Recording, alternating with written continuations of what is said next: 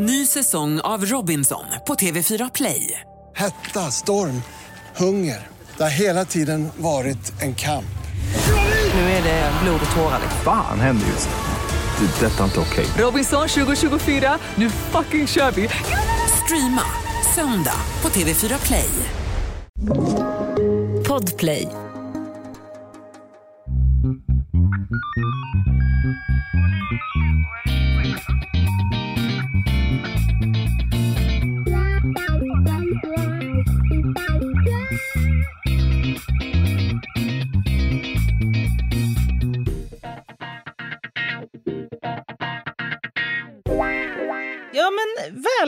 Välkomna till den här eh, krimpoddarnas krimpodd, Över min döda kropp. Den eh, rattas ju av mig, Anna Jinghede, och Av mig, Lena Ljungdahl. just det. Ja, krimpoddarnas krimpodd, Anna. True crime på riktigt utlovar vi här. Vad betyder det? Ja, det, det betyder väl att det här är så nära man bara kan komma ett, eh, en brottsplats. Eller ett... Ja. Vad ska man säga? Alltså, vi, vi tar ju med er in här nu i liksom pudens kärna, det innersta av det rättsliga. På, och ändå vi- är ni på behörigt avstånd. Ja, när vi, när vi brainstormade lite kring vad den här nya slogan skulle bli eftersom vi då skulle starta Över min döda kropp 3.0 eh, så var det ju såna här saker som att bakom avspärrningsbanden. Ja. Alltså, vi landade inte riktigt i någonting. Nej. Krim, det var någon som föreslog krimencyklopedin.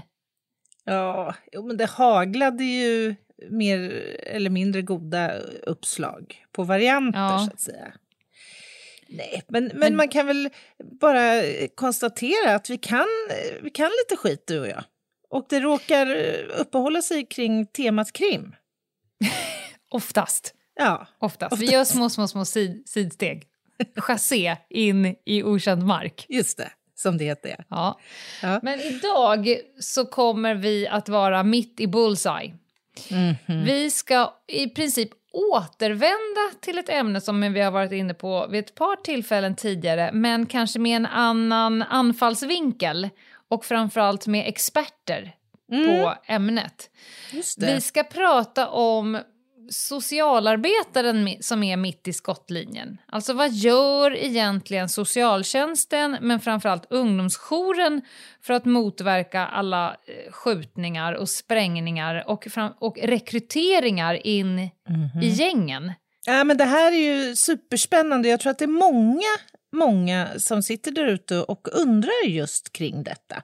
Vi har ju, Mm. du, du nämnde ju det inledningsvis, vi har ju varit inne på det här temat lite grann. Jag tänker till exempel när vi pratade om Tidöavtalet och eh, Ja. vissa framgångar man har gjort i Danmark och hur tyvärr Tidöavtalet inte pratade jättemycket om förebyggande insatser så som har gjorts i Danmark. Bland annat tack vare en väl fungerande socialtjänst och eh, riktade satsningar mot då just ungdomar i riskmiljö eller i, ja, Mm.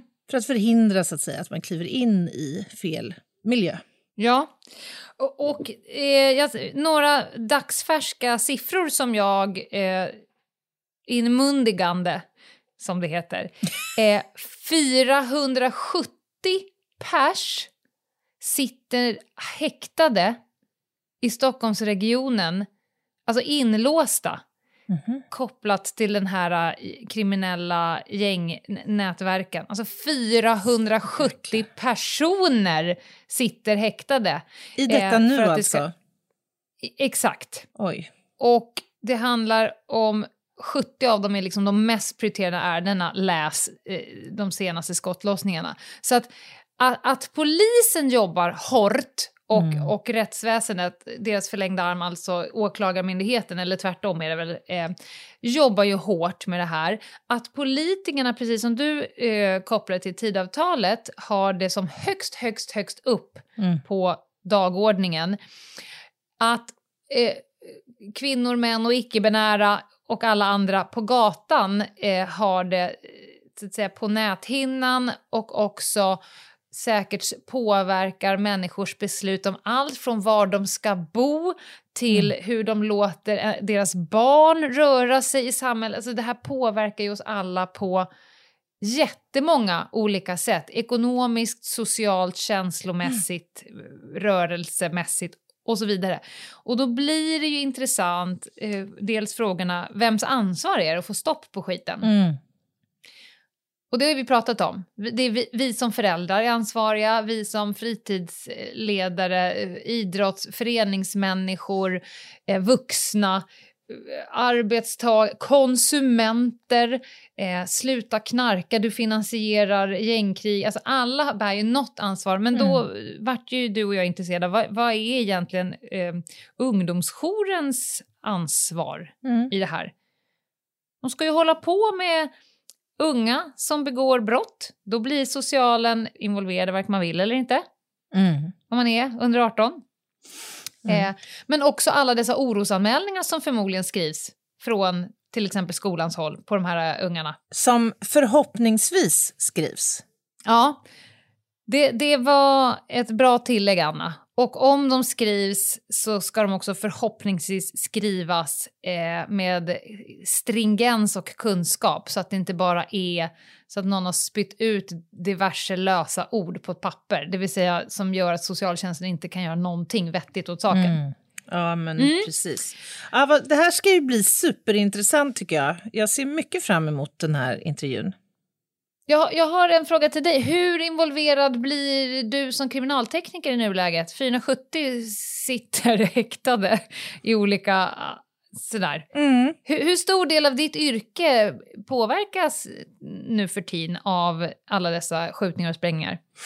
Ja, det är jättesvårt att ange en siffra därför att vi är ju ett antal tekniker och eh, ett gäng av oss jobbar i ärenden som, som är relaterade till detta. Naturligtvis. Det har väl inte undgått någon att även Örebro är ganska utsatt vad gäller skjutningar eh, och eh, med dödlig utgång för den delen Mm. också. Och så har skett sista åren. Eh, Så att, eh, och senast i helgen till exempel hade vi ju två incidenter som eh, väl dokumenterade medialt så att säga. Mm. Och du Eh, hade och det är beredskap. Klart, och jag hade beredskap, så det är klart att det Ja. här tar otroliga resurser. Det gör det ju. Mm. Och inte bara det, det tar inte bara resurser, det orsakar också en enorm otrygghet eh, bland vår eh, härliga allmänhet. Och det är Mm. djupt bekymmersamt, såklart. Mycket. Och man ropar efter hårdare straff, längre straff, mer tvångsmedel, eh, tvångsmedel i förebyggande syfte. Men hur stoppar man det? För det, det handlar ju om att nypa dit de som redan är ute i fisens Ja. mosse och vevar. Yes. Men hur stoppar man nyrekryteringen? Och eh, lite fråga undrar man ju, går det ens att rädda de här? Om, om jag ska hårdra det, kan en plysch människa från socialtjänsten med fri, på frivillig väg rädda någon som är på väg in? Och, och i så fall hur? Det var ju de frågorna som eh, vi enade oss om att de bör ju ställas till någon som jobbar med det. Även om de är lite provokativa kanske. Ja, precis. Du målar ju upp lite av en nidbild, det får jag ändå säga. Plysch-människor. Men kanske är det den föreställning som människor har. Nu råkar jag ju veta att det funkar inte riktigt så. Och jag skulle vilja Nej. säga utifrån min erfarenhet som både ungdomspolis och senare kriminaltekniker och allt möjligt och mina kontakter med socialtjänsten, särskilt människor som jobbar med ungdomar, skulle jag vilja säga att många är ju fullblodsproffs. Många Ja. har en förmåga att motivera ungdomar och också faktiskt uppriktigt eh, visa att vi bryr oss om dig. Vi vill inget Mm. hellre än att hjälpa dig ur den här situationen. Så jag tror Mm. nog att det finns framgångssagor, men det ska bli mycket intressant att se också vilka hinder som ungdomsjouren har Ja. och vilka begränsningar de har i sitt arbete. För det tror jag kan ha stor betydelse. Och jag har ju då pratat med en gammal goding till oss, en kändis. Vi pratar ju alltså om SOS-Pia från avsnittet Skräckhuset 1.0. Eh, som vi både fick höra om och höra henne prata där. Hon är ju numera, eh, jag vet inte hur de har med titlarna där, men chef typ. Mhm. Ja. Eh, och, och vad är då ungdomsjouren? Jo, det, det, är ju några som söker upp och etablerar kontakt med ungdomar i Stockholms olika riskmiljöer. Och de rör sig bland ungdomarna och för att skapa relation, det bygger på frivillighet, till, tillit och respekt. Mm. Eh, och de jobbar alla dagar, alla kvällar, alla nätter, alla helger. Och med det så bjuder jag er nu in att lyssna på en intervju med Pia Bodén och Oskar Williamson. Men först går vi på paus. Ett poddtips från Podplay. I fallen jag aldrig glömmer djupdyker Hasse Aro i arbetet bakom några av Sveriges mest uppseendeväckande brottsutredningar går vi in med hemlig telefonavlyssning och, och då upplever vi att vi får en total förändring av hans beteende. Vad är det som händer nu? Vem är det som läcker? Och så säger han att jag är kriminell, jag har varit kriminell i hela mitt liv men att mörda ett barn, där går min gräns. Nya säsongen av Fallen jag aldrig glömmer på Podplay. Välkomna tillbaka från pausen. Då har jag förflyttat mig och sitter återigen i Podplays fina studio Oliver sitter vid spakarna och framför mig sitter två superintressanta gäster varav en av dem känner ni redan lite grann, kära poddlyssnare. Välkomna till krimpoddarnas krimpodd Öm rädda kropp, Pia Bodén och Oskar Williamson. Tack. Tack så mycket. Och ni kommer ju från ungdomsjouren, så även kallad SOS-Pia i ett, ja, ja, I avsnittet stämmer. om skräckhuset så har vi fått eh, lyssna på dig till och med. Och, och stifta lite bekantskap. Men idag ska vi inte alls ägna oss åt det. Utan innan pausen så pratade ju vi om att folk dör som flugor i Stockholm. Det skjuts ihjäl. 60, mer än 60 förra året. I år är vi uppe i minst sju, vad jag vet, när vi spelar in det här. Eh, och det är hårdare tag, mer förebyggande och så vidare. Och så vidare. Och nu är vi ju supernyfikna på eh, vad socialtjänsten gör i allt det här. Men ni ska först få presentera er själva och er arbetsplats. Vem vill börja? Jag vill börja. Ja. Eh, jag heter Pia Bodén och jag är biträdande enhetschef på ungdomsjouren Stockholms stads socialförvaltning. Och, eh, vi arbetar med uppsökande socialt arbete eh, riktat mot ungdomar i olika riskmiljöer i staden. Mm. Det låter som den snutifierade eh, falangen av socialtjänsten. Eller? Ja, vi arbetar ju i samma, eh, samma typ av miljöer mm. ute, väldigt eh, operativt. Ah, okay. Eh, men, och nära samverkan med polisen. Eh, vi har ju arbetat tillsammans. Mm, jag Lena, då var jag anställd på ungdomsjouren. Då var jag som inbäddad Eh, socialsekreterare i er spaningsgrupp. Mm. Riktigt så nära arbetar vi inte nu, men vi har ett nära samarbete med polis och fältassistenter och andra som också rör sig ute i de här eh, riskmiljöerna som eh, kan vara citykärnan, där vi har ett primärt uppdrag, mm. och Järvaområdet, Rinkeby-Kista och Spånga-Tensta. Och det här ska vi komma in mycket mer på. Spännande, du är hjärtligt välkommen. Och bredvid har du Oskar. Yes, och vi är ju då kollegor och jag är gruppledare för vår filial som ligger i Järva med då ungdomsskolans uppsökande arbete och en del öppenvårdsinsatser också inom socialtjänsten. Och då sitter ni på en shitload av kunskap, eh, erfarenhet, säkert anekdoter där det har gått toppen och också när det har gått åt helvete. Eh, mm. gissar jag. Eh, både, både på samverkansnivå men på individnivå. Mm. Om vi nu sätter kontexten, vad, vad, säger ni själva om den här utvecklingen som vi har haft sista åren? Alltså när jag började som polis då fanns det absolut gäng, det fanns absolut knark, men då sköts det i benen, det var på en helt annan nivå. Klipp till nu, eh, nu går det till på ett annat Vad säger ni mm. om den här utvecklingen? Eh, vi delar din bild. Mm. Helt. Jag tror att vi började ungefär samtidigt, där vid millennieskiftet ja, ungefär. Eh, och visst, det bråkades om narkotika, det eh, hände saker, det fanns våld. Eh, men den här utvecklingen hade vi nog inte kunnat föreställa oss. Mm. För det handlar ju faktiskt om, om att krigsmateriel används i våra bostadsområden. Det är mm. helt, helt galet. Då tänker du på vapen och sprängladdningar? Ja. Och, mm. Nej, och jag tänker för 20 år sedan, jag kunde skrika mig hes om att det finns inga gäng, sluta prata om gäng. Ja. Och det säger jag ju inte idag, det kan jag ju säga. Nej, exakt. Utan då var det mer kanske lösa sammansättningar. Men... Ja, men det var mycket mer, ja. mer alltså kompisgrupperingar som, mm. eh, som gjorde, gjorde dumheter och, och det fanns liksom ingen struktur. Idag är det en helt annan situation. Ja, nu kommer 10 000 kronors frågan och från er horisont, varför har det blivit så här? Jag förstår att ni inte har en trepunkts svar på det, men, men vad, vad, om ni får känna någonstans djupt ner i maggruppen, varför har det blivit så här? Jag måste fega och säga, jag har ingen aning. Jag, fatt, jag, fattar faktiskt inte hur det kunde gå så snett. Det ja. jag kan se som, ändå, alltså, ett, efter att ha följt då ungdomar i Rinkeby. Jag, började i Rinkeby 2002. Så liksom, ja. Om man bara tittar på Järva-kontexten. Mm. Så, så, så att eh, från att eh så nu verkligen bara alltså, gå på känsla, men från att alla tillsammans rånade värdetransporter på E4 ja. till att man började sälja narkotika till varandra eh, och skjuta på varandra. Det ser väl jag som en sån här utveckling. Sen mm. mycket, men men det, det, var, det var någonting annat då. Eh, mm. Våldet var, var riktat mot, mot de andra mm. och man stal från de andra och nu, eh, nu går man loss på varandra istället. Det mm. tycker jag är en skillnad. Ja.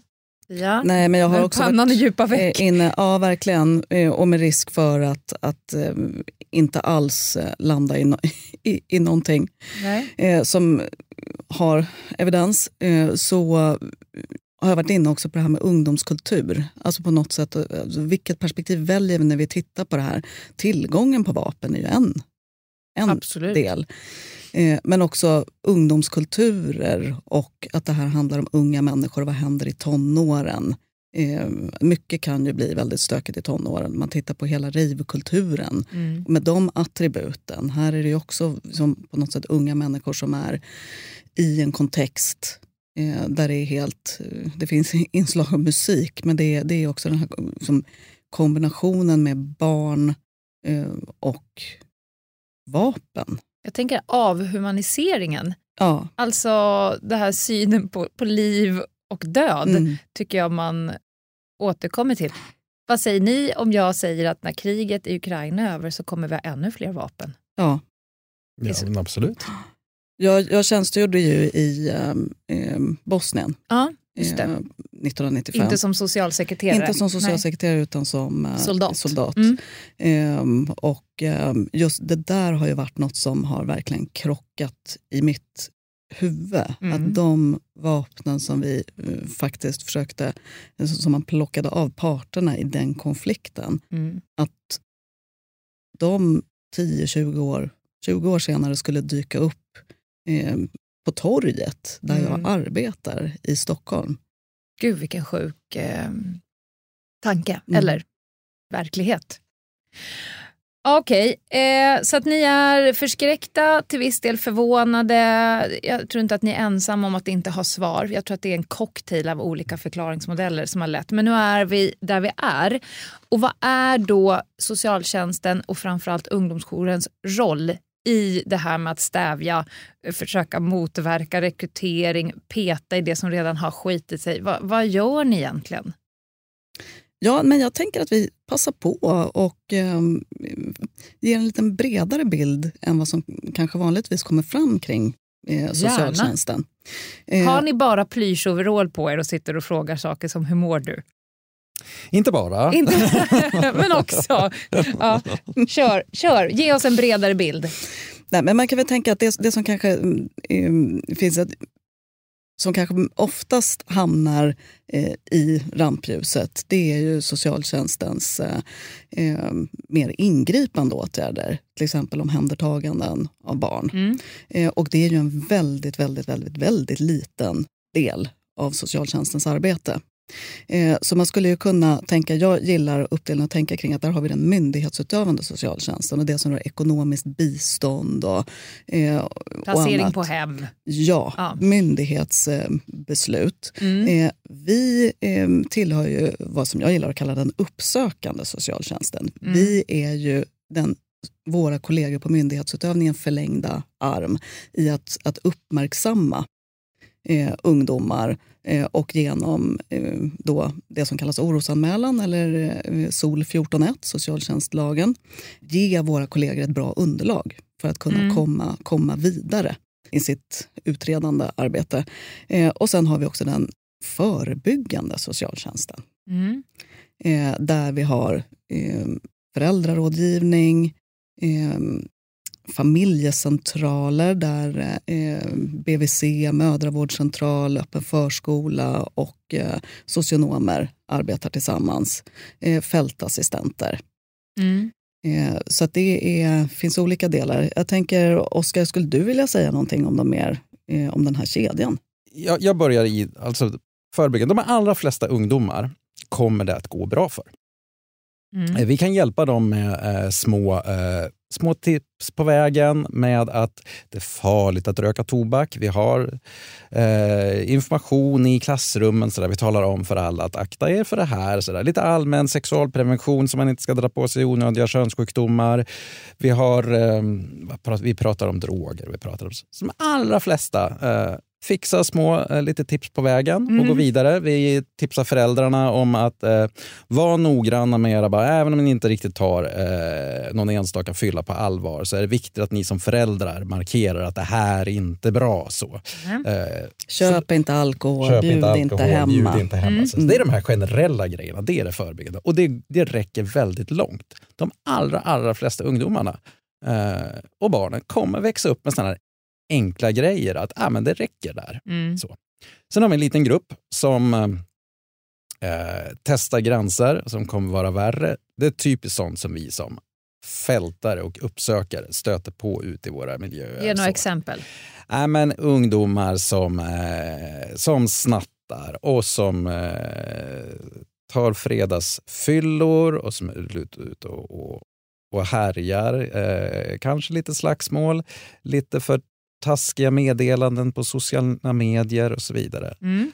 Och där kan vi med ganska enkla medel, så även om det, vi, vi kommer få, få ligga i, absolut. Så, så, så. Men, men med att jobba med att, att uppmärksamma de här, prata med de här enkelt, samtal till föräldrar, eh, samtal med lärare, att, att oroa, att markera mot de här att så här gör man inte och hjälpa mm. dem på traven. Och kanske med lite enklare färdigheter att komma vidare. Mm. De allra flesta kommer att gå bra för då. Mm. Sen har vi en liten grupp som behöver specifika insatser.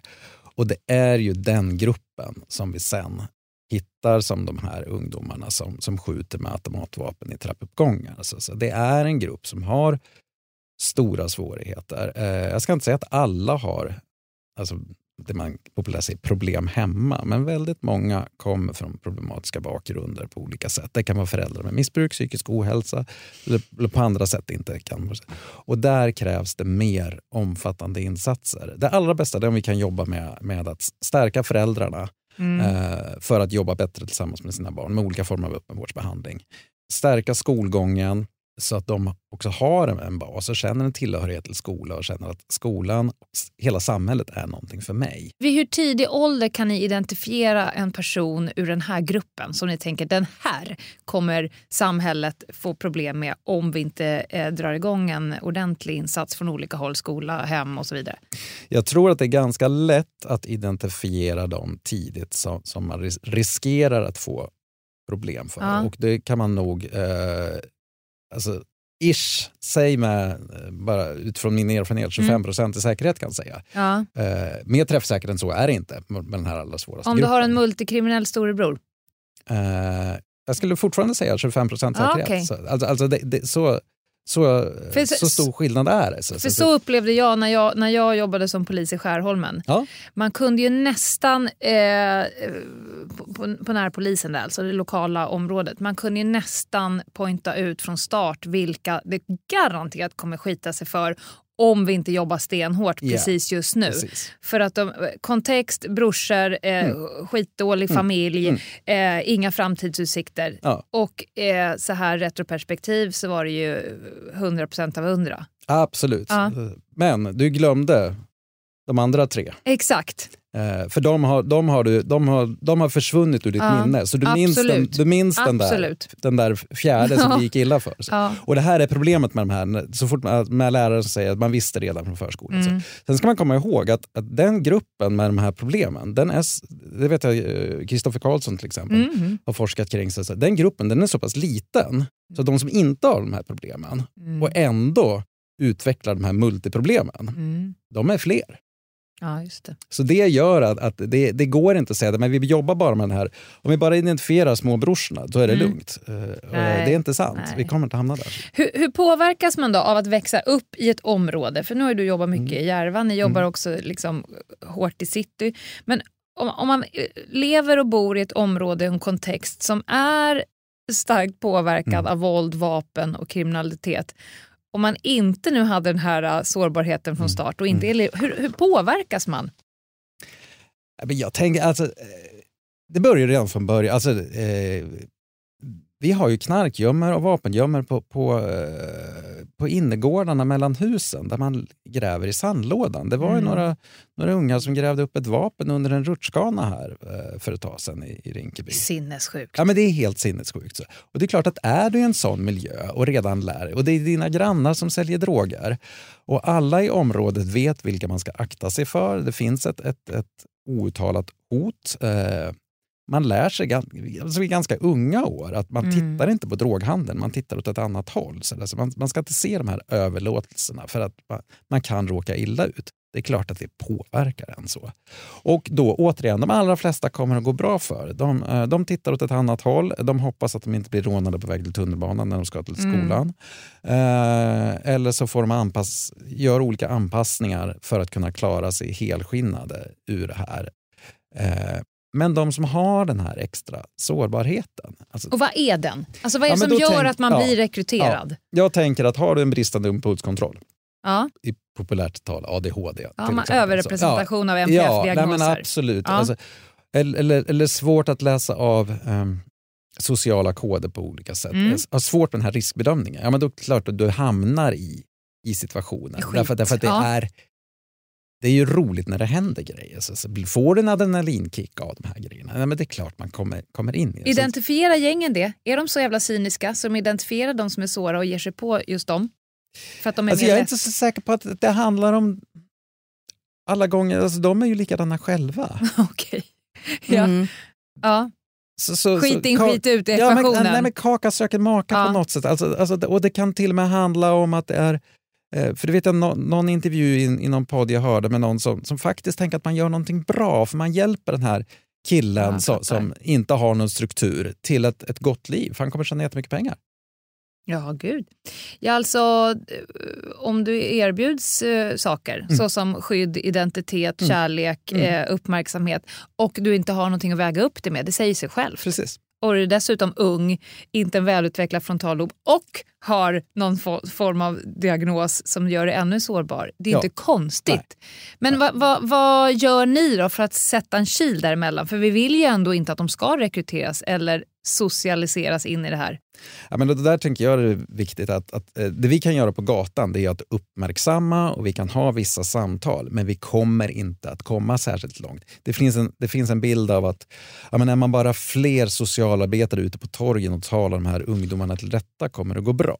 Mm. Eh, det är en väldigt naiv syn på det. Utan det krävs, det, det krävs i första hand öppenvårdsinsatser där man involverar föräldrar och skola och liksom tillbaka till att de här ungdomarna ska komma på spåret. De behöver få hjälp inom psykiatrin med, med, med de svårigheter de har och liknande. Det är där, det är där som hjälpen finns. Så vår mm. roll som uppsökare det blir ju att uppmärksamma och fånga in dem och mm. styra in dem åt rätt håll. Mm. Eh, förklara för eh, eh, kontoristerna, våra, eh, om man säger så, de, de socialsekreterare som inte jobbar ute. De med kamerala uppgifter? Ja, nej, men alltså ja. förstå hur det ser ut ute. För de är ju inte heller ute på... I, alltså det är inte så många som varit på Rinkeby torg klockan 11 eh, en, en, en, natt sådär, som, som faktiskt vet hur det ser ut där ute. Och att då finnas med och förklara miljöerna, förklara vad som händer.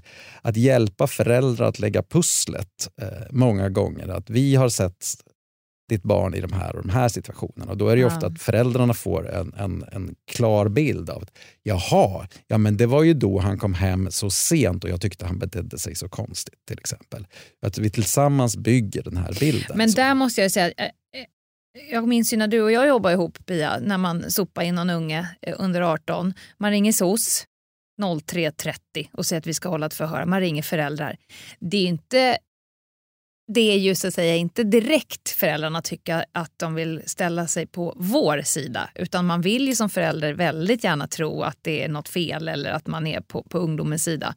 Hur, hur får det liksom över dem på er sida om de dessutom är en del av grundproblemet? Mm. Allt, att de är en del av att eh, barnet har blivit så här. Vad, fan, vad har ni för nycklar för att, för att eh, få igång föräldrarna? Jag tänker att de allra flesta föräldrarna som vi träffar vill verkligen sina barn väl ja. på olika sätt. Och att, Men har de förmåga att nej, skapa där, det? Och det är ju där stödet kommer, ja. kommer in och att det är därför det är så otroligt viktigt också med, med de här lite mer generella insatserna och stödet från, från början. Och kanske också avdramatisera eh, avdramatisera det här med att, att få stöd Men Hur ser stödet ut? Sitter ni vid köksbordet och lär dem att vara föräldrar? Eller hur ser det här stödet Det är för flummigt för mig. Hur ser ja, ett stöd ut? Men om vi börjar i den, bästa av världar. Ja. Då, men, tänker så har du träffat, kanske din, din första kontakt med socialtjänsten mm. är redan på BVC. Mm. Eh, att eh, du eh, ingår i ett hembesöksprogram ja. där en BVC-sköterska och en socionom kommer hem och pratar om eh, och vem väljer ut familjen, familjen? För jag har aldrig haft en socialsekreterare hemma hos mig med och det, mina barn. Här kommer det fina i Kråksången, ja. att det är en generell insats. Så där det här utökade hembesöksprogrammet finns ja. eh, så erbjuds alla det. Okay. Så att då har du fått din första kontakt ja. där du också eh, kan, och då är ju det alla föräldrar. Det är mm. en, en, en insats. I och, en kontext? Ja, eller i ett bostadsområde. Blir ett, okay. en, ett BVC är en kontext. Och då okay. är det sånt som är generellt för, eh, för vad alla föräldrar som nyblivna föräldrar. Mm. Eh, för där behöver vi ju alla. Det är en ny situation för alla. Och men nu då, pratar vi inte BVC Vasastan? Nej, nu pratar vi eh, huvudsakligen ytter, ytterstadsområden. Ja, ja, det har ni hjälpt till att välja ut vilka som ska få det här då eller? Ja, mm. eh, inte just vi. Eh, men på... Mm. Eh, det här är ju utifrån ett familjecentralsliknande ja. eh, tanke yeah. där, man jobbar tillsammans. Och då finns det också att, att man då får syn på det här utbudet och att stödet är lätt lätt att få. Då mm. kommer ju socionomen hem till dig mm. och som hänger ihop med den övriga socialtjänsten. Och att man kan både eh, erbjuda föräldraskapsstöd Eh, men det blir en kontakt så att om du sen känner som förälder att här behöver vi sänka tröskeln för att faktiskt söka hjälp mm. och tänka att de här socionomerna var ju faktiskt, de gick att prata med. Eh, mm. Eh, nu när jag kommer till nästa steg och det är någonting så kanske jag har en lägre tröskel till att faktiskt vända mig till föräldrarådgivare eh, som är den förebyggande, vad vi kallar fri yta, att du kommer och pratar utan mm. att du har ett biståndsbeslut. Att det, det är inget myndighetsbeslut utan det, eh, det, det kan du eh, på enkel väg mm. nå. Eh, och där, det blir ju också en möjlighet eh, att, att uppmärksamma eh, barn och föräldrar som kanske behöver lite extra stöd. Allt det här under ramen eh, för frivillighet? Mm. Ja, yes. och står vi på den, har vi jobbat med det eh, under lång tid. Så när barnet blir tonåring och vi sitter i den där förhörssituationen mitt i natten mm. på polisstationen. Mm.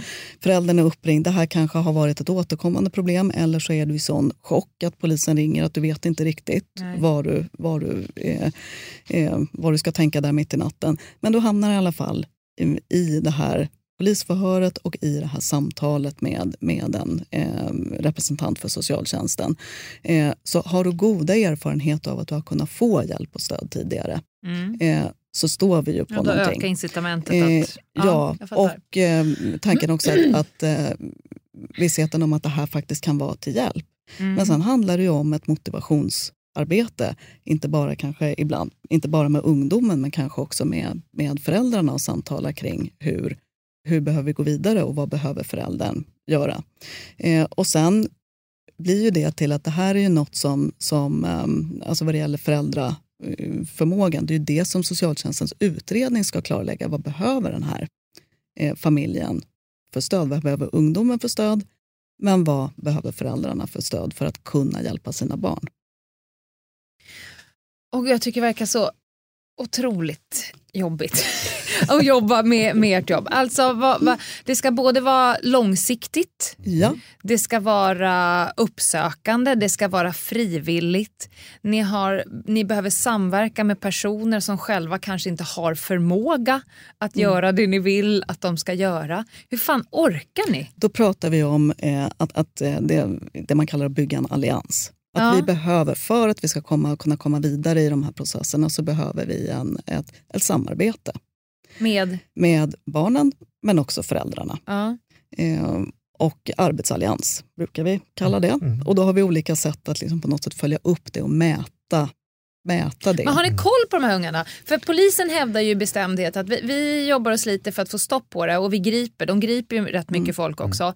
Jag, jag har jobbat i poliskorridorerna. Jag, vet, jag skulle vilja säga att jag vet ungefär hur det ser ut på de här arbetsrummen nu. Mm. Det, det, är liksom, det är chart över vem som är vem och vem som har kontakt och vem som är näst på tur att dö. Har ni koll? Skulle ni kunna säga så här att ni tror att ni vet vem som kommer skjutas härnäst? Nej. Nej. Nej men vi, där, och, och där tänker jag det är en brist vi behöver jobba vidare på och hitta ja. formen för det. Alltså. Alltså för då, då tror, måste jag, ni fokusera skitmycket åt det hållet då antar jag, eller? Nej, men jag tror att det handlar om, om, om, att, om att hitta eh, fungerande samverkansformer där man förstår varandra. Jag tror, jag tror vi har kommit mycket, mycket längre de sista åren än, än vad vi någonsin har gjort. Ja. Om man tittar på på, nu blir jag väldigt inskränkt vid Järva-perspektiv, för det, det, det jag kan. Men, men jag tror att man har mycket bättre samverkan i, idag än vad man har haft. Och där mm. blir vi, vi som jobbar uppsökande är kanske inte så involverade där. Och det kanske inte är det viktigaste heller, för det är inte vi som ska fatta besluten. Det är inte vi som Nej. behöver gå in i de här situationerna, utan det är ju mer samarbete med, med, med socialsekreterarna som sitter på, på mm. kontoren. Där.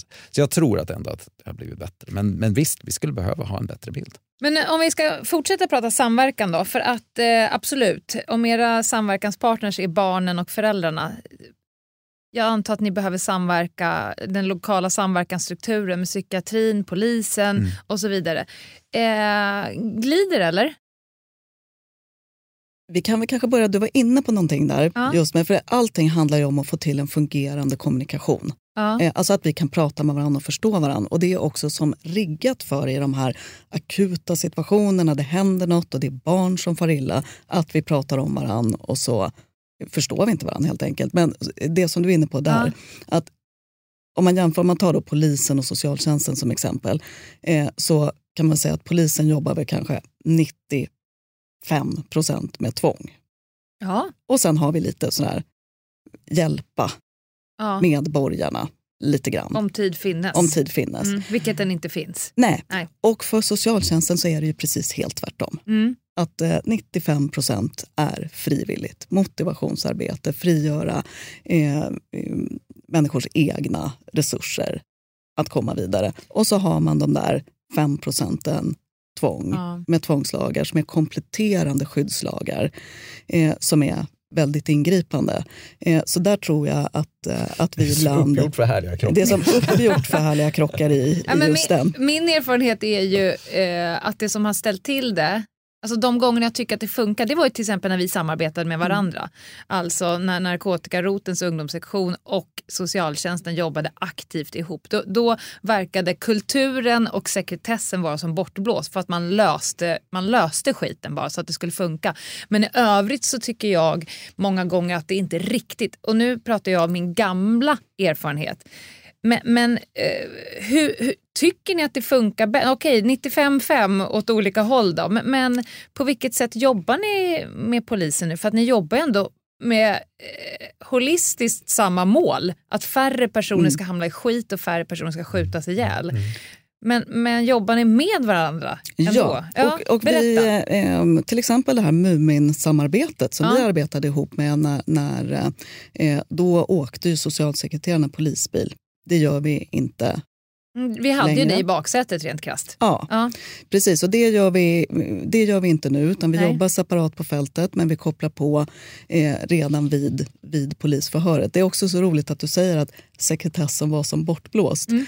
Och det var den ju inte. Nej. Den var ju allra i högsta grad fungerande. Utan jag tror att det det handlar om är, eh, vad vi byggde då var en förståelse för varandras villkor i arbetet. Uppdragen, mm. villkoret är holistiska målet, att vi faktiskt jobbar för en tidig upptäckt och att de här eh, ungdomarna ska, ska få, få hjälp. Eh, men, eh, och en kunskapshöjning åt båda hållen. Eh, att så, vi från socialtjänstens sida förstod polisen, villkoren för mm. polisens arbete. Ni förstod mitt och vi bökade fram och tillbaka med det där.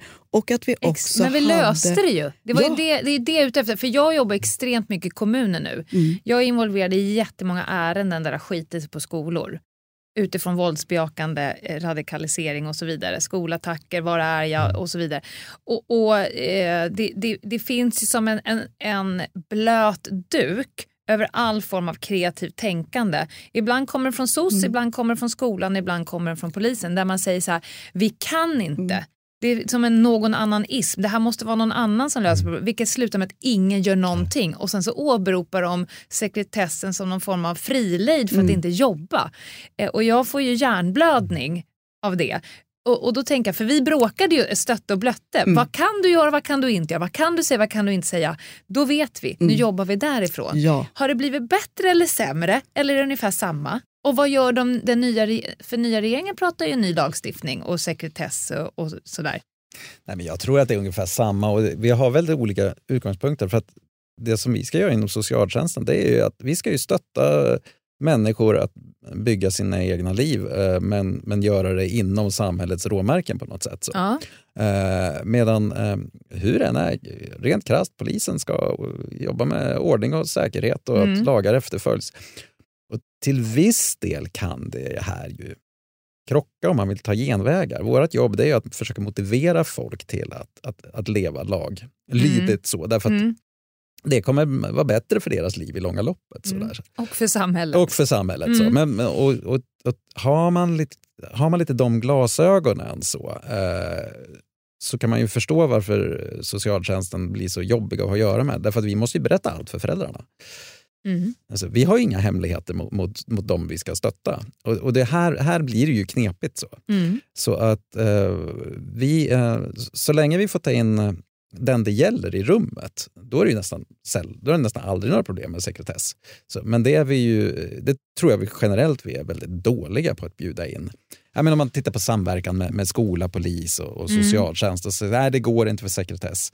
Uh, men om vi frågar föräldrarna och barnet. Så, så är det okej okay att vi samverkar och kan ni komma med och sitta i rummet då så att vi säger det som, eh, som berör er på ett mm. bra sätt?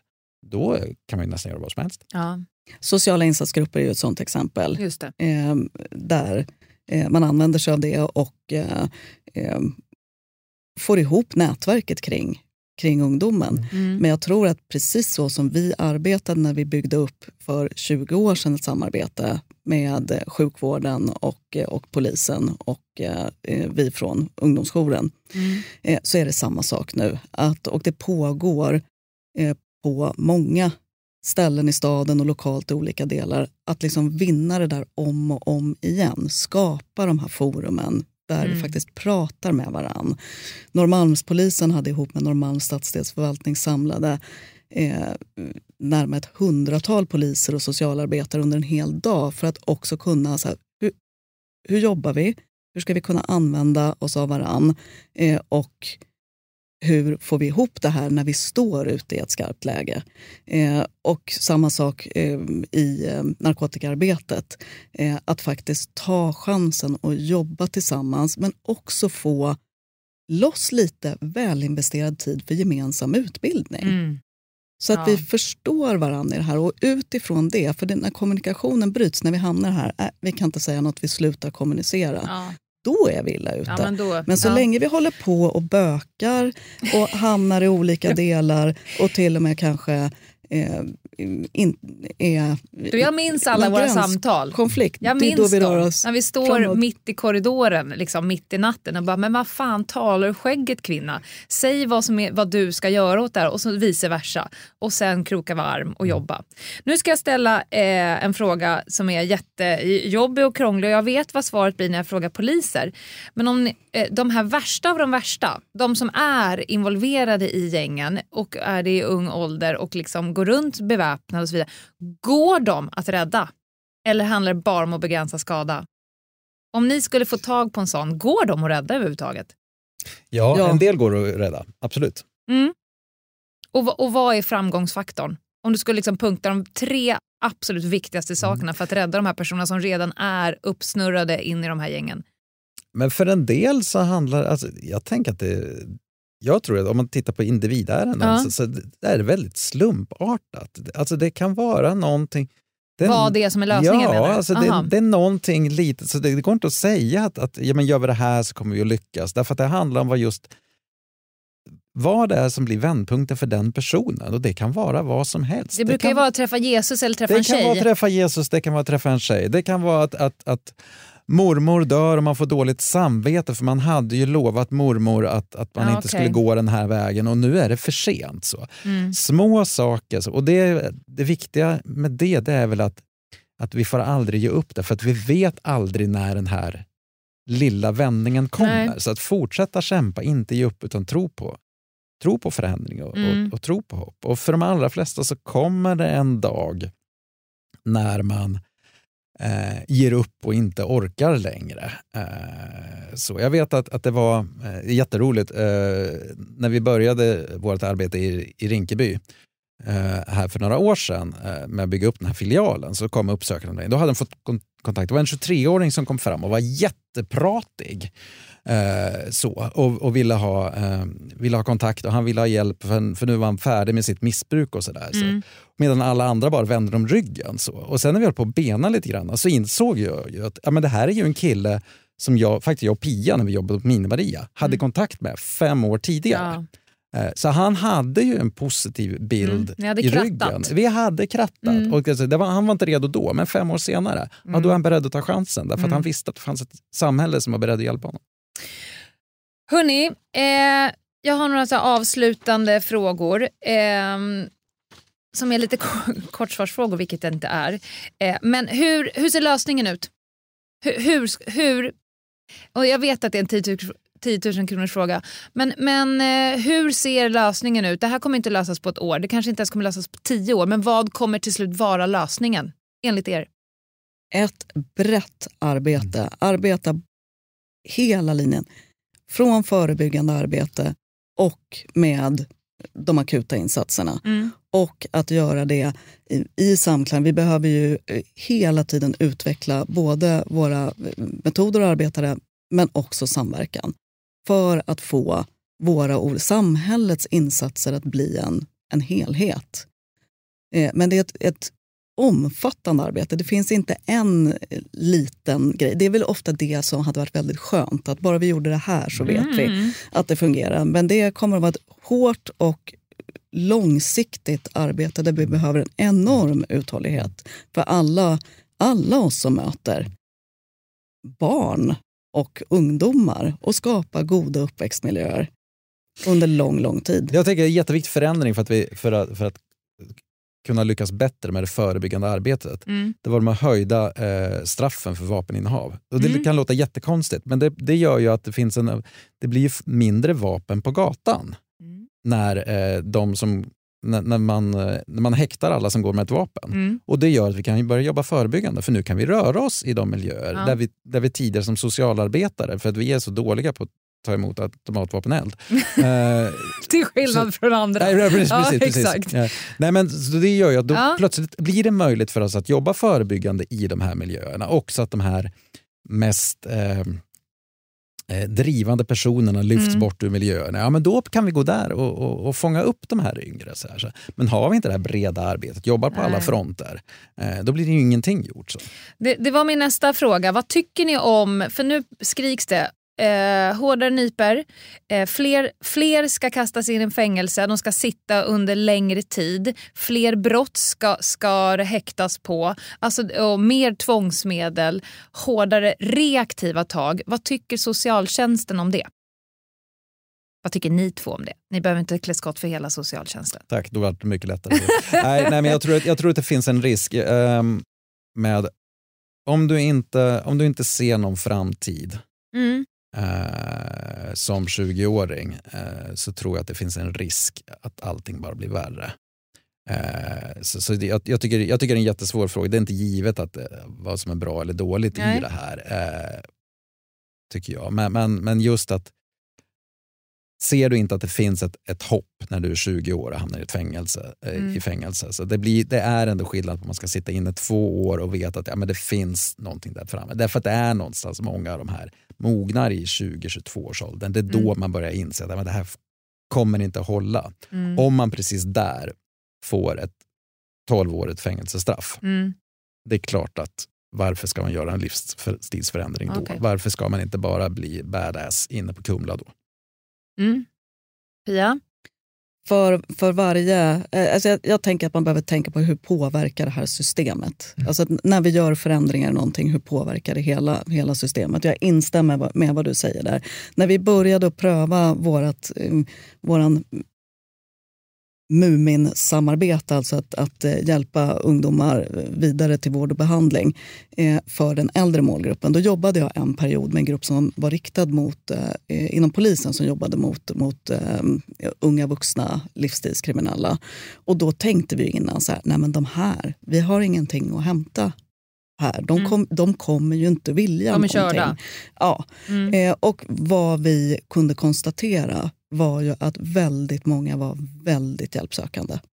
Okay. Mm. Eh, och faktiskt ville förändra sin livssituation. Jag förstår. Usch, det, här, det här är så komplext. Är, är ni någonsin rädda? Ni rör er ju i samma miljö som poliserna rör sig förutom att de har utrustning, mental förberedelse och våldskapital. Är ni rädda när ni jobbar? Ja, men det har äh, hänt. Jag har ju absolut hamnat i situationer så. Som mm. alltså, jag, jag har blivit hotad eh, på Rinkeby torg eh, mm. mitt i natten. Eh, inte en polis i sikte, eh, knappt en annan människa. Det var jag och min kollega, vi, vi stod ensamma. Och jag visste, jag visste att det här är en kille som kan vara beväpnad. Mm. Så det är klart att man hamnar i situationer så. Ja, och jag tror sällan, jag tror att många socialarbetare, och i synnerhet om man har jobbat uppsökande länge, eh, så, så kan det bli en falsk trygghet att vi har pratat oss ur så otroligt många situationer genom åren eh, och hamnat i tokiga situationer liknande den som du beskriver, Oskar. Men mm. på något sätt har vi också haft tur. Mm. Eh, vilket gör att risken är ju att det tilltar någon form av hybris. Eh, att ja, men vi, vi snackar oss ut var, ur ja. vad som helst. Men just den där situationen, eh, just så hamnar man inser att så här, nu är det för sent. Nu står vi här på Sergels torg mitt i natten. finns inte en polis i sikte för att ha varit något stort någonstans. Mm. Hur tar vi oss ur det här? Eh, så det är ju också en aspekt som det här med, eh, med skjutvapenvåldet eh, aktualiserar ju det, det också att vi, vi kommer behöva tänka kring och vi behöver tänka kring vår säkerhet. Ja, såklart. Vi bedriver socialt arbete där det är möjligt att bedriva mm. socialt arbete. Ja, ehm. med, med hänsyn till egen säkerhet såklart, ja. för den är faktiskt ännu viktigare. Mm. Sista frågan. Vi har ju väldigt många lyssnare. Eh, de allra flesta av dem är varken poliser eller socialsekreterare. De är morsor och farsor och, och arbetstagare och arbetsgivare och så vidare. Medskick till dem. Många av dem har barn. Ett sista medskick till våra lyssnare. Prata med dina barn. Prata mycket med barn. Om? Om allt. Ha en tät dialog och mm. var, eh, visa kärlek. Så att den dagen någonting händer så ska ditt barn komma till dig direkt. Jättebra. Pia? Ja, för, förmedla bilden av ett, ett samhälle där vi hjälps åt. Så jag tänker det är mm. viktigt, som lite motvikt till att som, som förälder eh, förmedla de värderingarna. Att eh, ja. samhället, vi löser väldigt mycket tillsammans. Och Det får ju bli en väldigt bra motvikt till det avsnittet som vi hade förra torsdagen där Säpo har flaggat upp eh, unga män som lider av ett ganska stort samhällsförakt och icke-tro på demokrati som en av vår tids stora hot mot Sverige. Så det kan man väl också försöka motverka när man ändå håller på så att mm. säga som förälder. Grattis alla ni som föräldrar, vilket jävla jobb ni har. Eh, inklusive oss då. då. Hörni, tack snälla för att ni kom och gav oss en djupare inblick och förståelse i socialtjänsten och ungdomsjourens superviktiga arbete. Tack Pia och Oskar. Tack så mycket. Tack. Och vi är tillbaka efter pausen. Då ska jag eh, brinna ut på någon rövhatt. Vi får se vad det blir. Ett poddtips från Podplay. I fallen jag aldrig glömmer djupdyker Hasse Aro i arbetet bakom några av Sveriges mest uppseendeväckande brottsutredningar. Går vi in med hemlig telefonavlyssning och, och då upplever vi att vi får en total förändring av hans beteende. Vad är det som händer nu? Vem är det som läcker? Och så säger han att jag är kriminell, jag har varit kriminell i hela mitt liv men att mörda ett barn, där går min gräns. Nya säsongen av Fallen jag aldrig glömmer på Podplay. Välkomna tillbaka till krimpoddarnas krimpodd. Det här är avsnitt 305 och Lena har just förtjänstfullt intervjuat två ljuvliga eh, individer. Eh, när vi spelar in det här så har jag ännu inte hört den här intervjun. Eh, så Men visst var den bra? Den var superbra, det vågar jag ändå lova att den var. Eh, ja. det här ser jag fram emot. Men du... Några spontana reaktioner, tankar eller medskick rörande dagens tema till våra lyssnare ändå?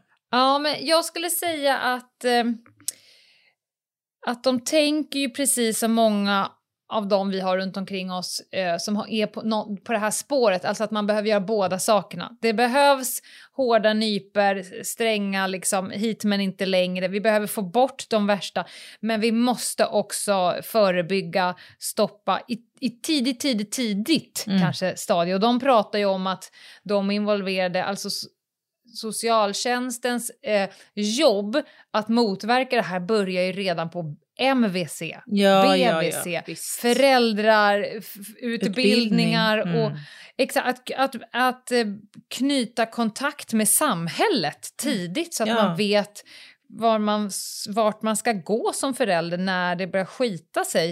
Eh, det tror jag är superviktigt. Och de skriker ju och efterfrågar mer samverkan, bättre samverkan mellan de olika aktörerna för att det inte ska eh, vara stuprör. Utan, och, och, det hör vi ju gång efter gång efter mm, gång. Mm. Vem man än pratar med så vill man ju ha mer eh, samverkan. Och också att de är enormt överens med oss om att det här kommer inte lösa sig eh, i år utan det här kommer vara ett långsiktigt arbete.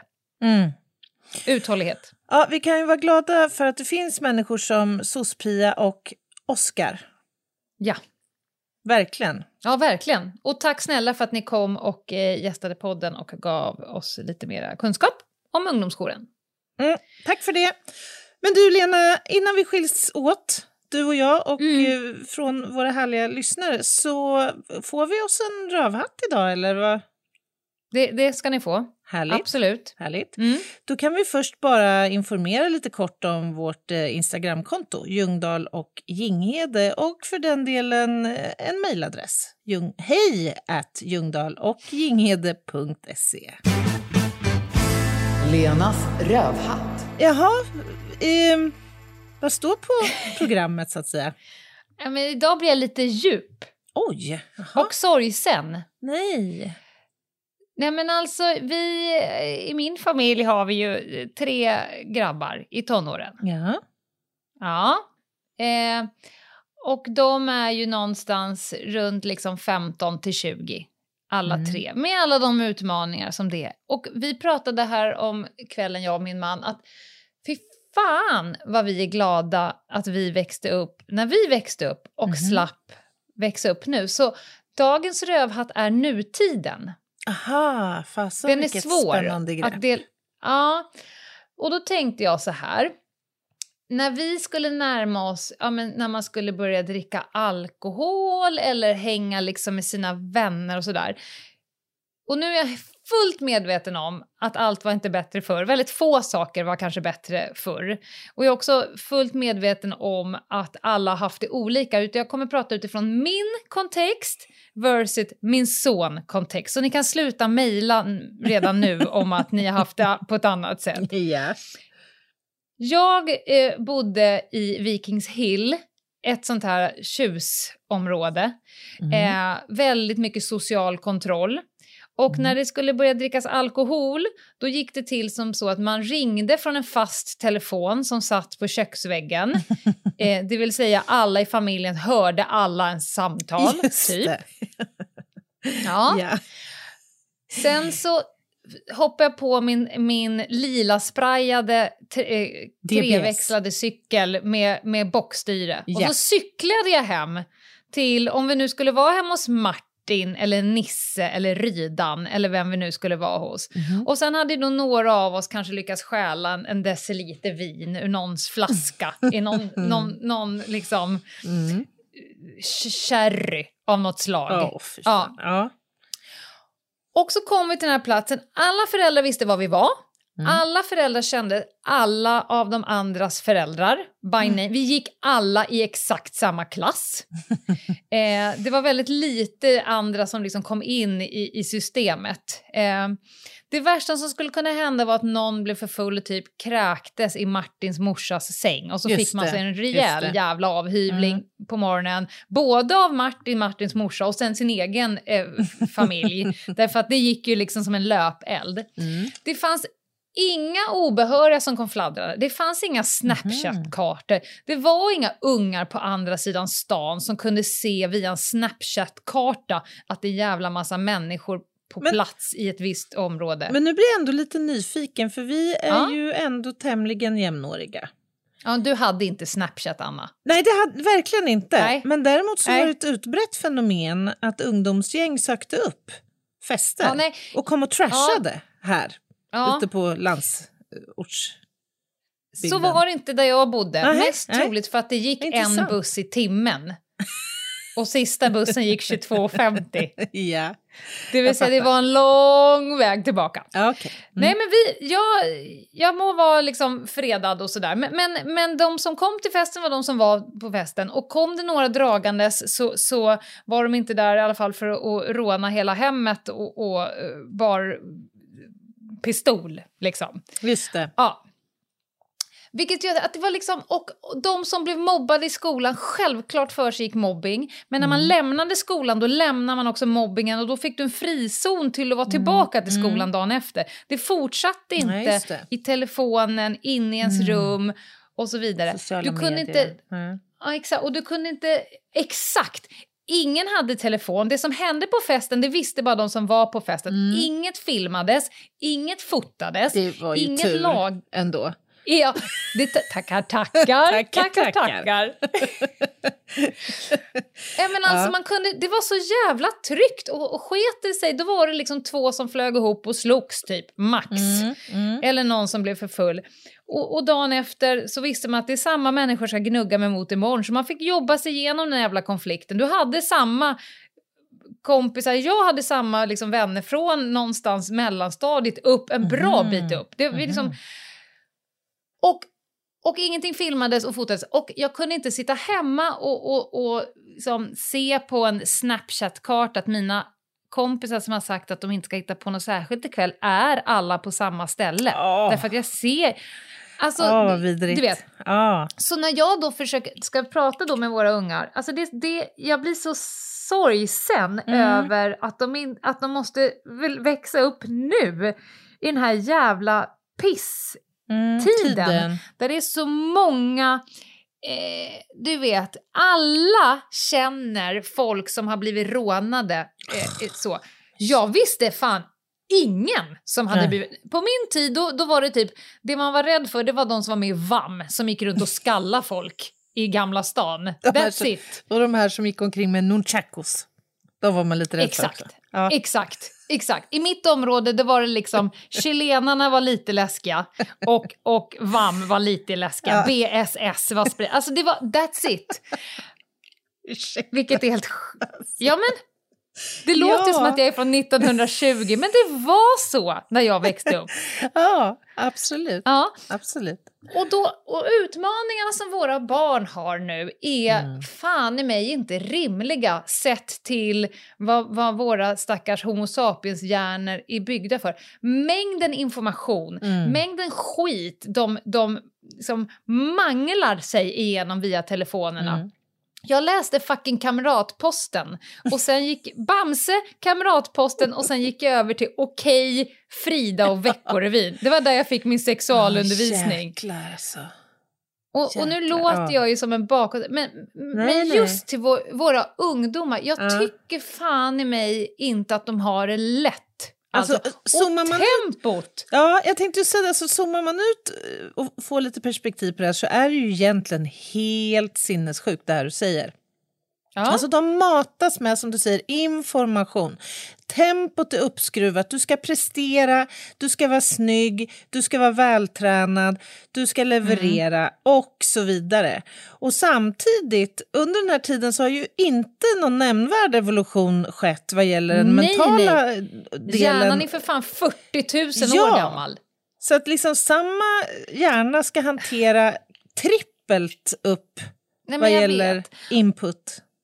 Och beslut och, och, och allt. Ja, men det, det, är, det är fruktansvärt. Och, och jag blir bara så ödmjuk inför gud vad mycket de behöver Alltså när vi var små behövde vi inte fundera på, det här klippet jag tittar på, är det en, en riktig människa eller är det en AI oh, som försöker lura mig? sjukt alltså. Bara... Du vet, ser jag Birgit Friggebo prata, då är det ta mig fan Birgit Friggebo som pratar. Det har inte suttit någon jävla hacker i Ryssland och tillverkat Nej. Birgit Friggebo. Nej, det, det är förfärligt. Ja. Och jag känner mig, jag har aldrig känt mig äldre än exakt detta ögonblick när jag drar av den här rövhatten. Men jag, jag äger min ålder just nu och bara konstaterar att stackars jävlar. Och då vill jag landa i om nutiden är rövhatten, då är vi vuxna anstiftare och medgärningsmän eh, eh, mm. om vi inte gör allt vad vi kan för att mm. försöka. Och du kommer inte få hjälp av din ungdom. Din ungdom som nej, inte nej. har någon frontallob kommer tycka att det är en jävla pissidé att du stryper eh, ja, antalet Precis. appar och de kommer tycka att du är en riktig jävla fitta. Mm. Och då är det ditt jobb att vara en riktig jävla fitta. Mm. Anna, du får välja på fitta eller rövhatt. Faktiskt. det var du har att välja på. Det var precis det jag också lite grann funderar på i den här dystopiska sinnesstämningen ja. jag befinner mig i just nu. Kan det ändå vara lite, alltså på något sätt skänker det väl ändå lite, lite tröst att ungdomar idag faktiskt inte har något att jämföra med. De vet inget annat. Därför att det här exakt. är liksom normaltillståndet för dem, på gott och ont naturligtvis. Ja, men, vi ska tänka om dem som en dement vet inte att den är dement. Så det vi tycker kanske mer synd om dem än vad de själva tycker. Ja, men, ja, men faktiskt. De ja, kanske inte lider av det på samma sätt som vi föreställer oss att de ska göra. Därför att de vet ingenting annat.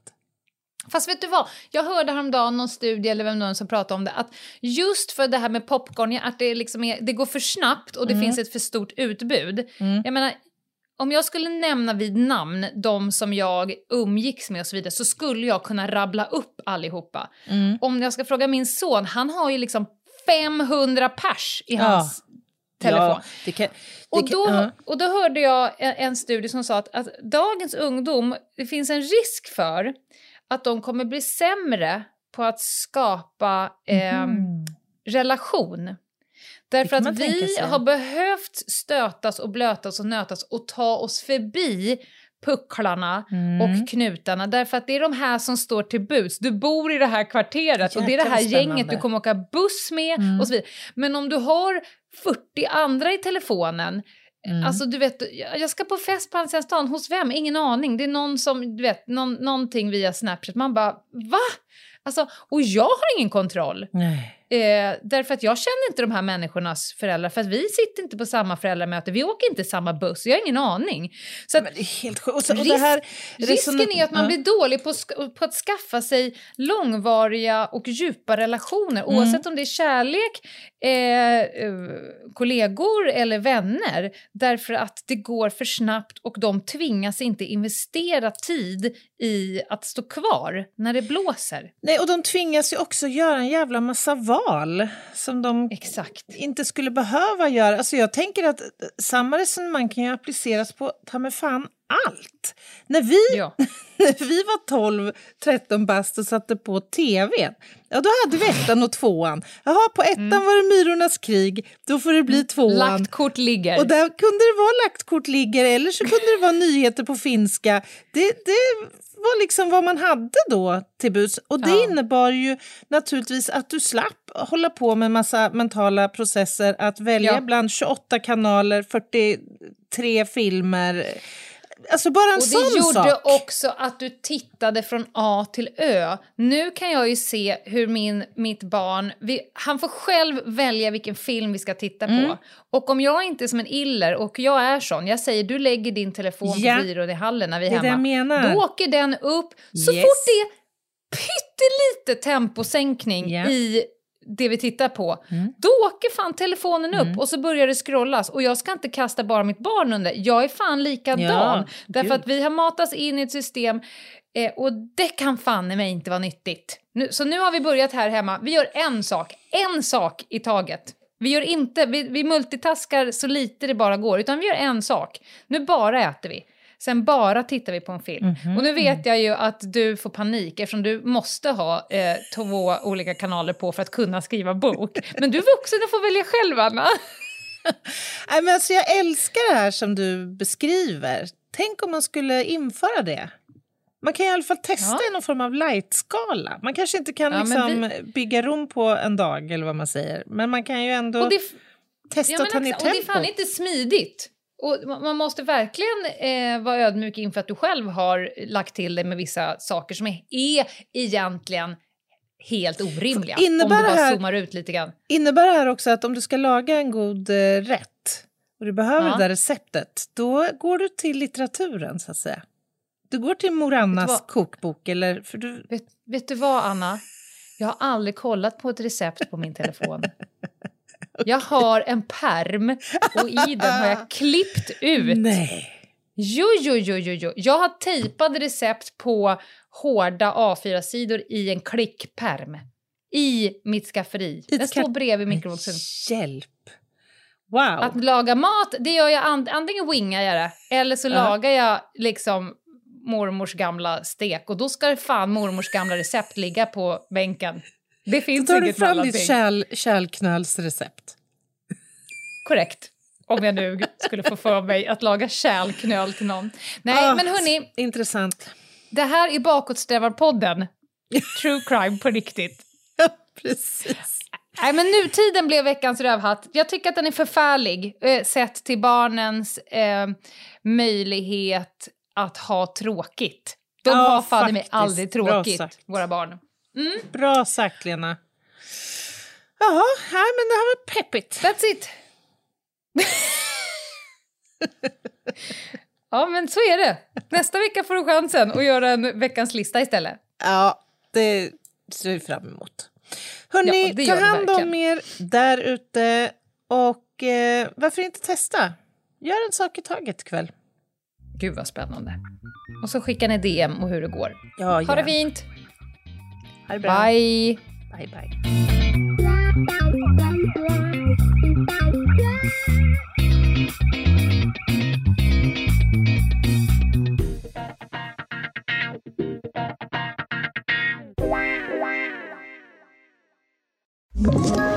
Ett poddtips från Podplay. I fallen jag aldrig glömmer djupdyker Hasse Aro i arbetet bakom några av Sveriges mest uppseendeväckande brottsutredningar. Går vi in med hemlig telefonavlyssning och, och då upplever vi att vi får en total förändring av hans beteende. Vad är det som händer nu? Vem är det som läcker? Och så säger han att jag är kriminell, jag har varit kriminell i hela mitt liv men att mörda ett barn, där går min gräns. Nya säsongen av Fallen jag aldrig glömmer på Podplay.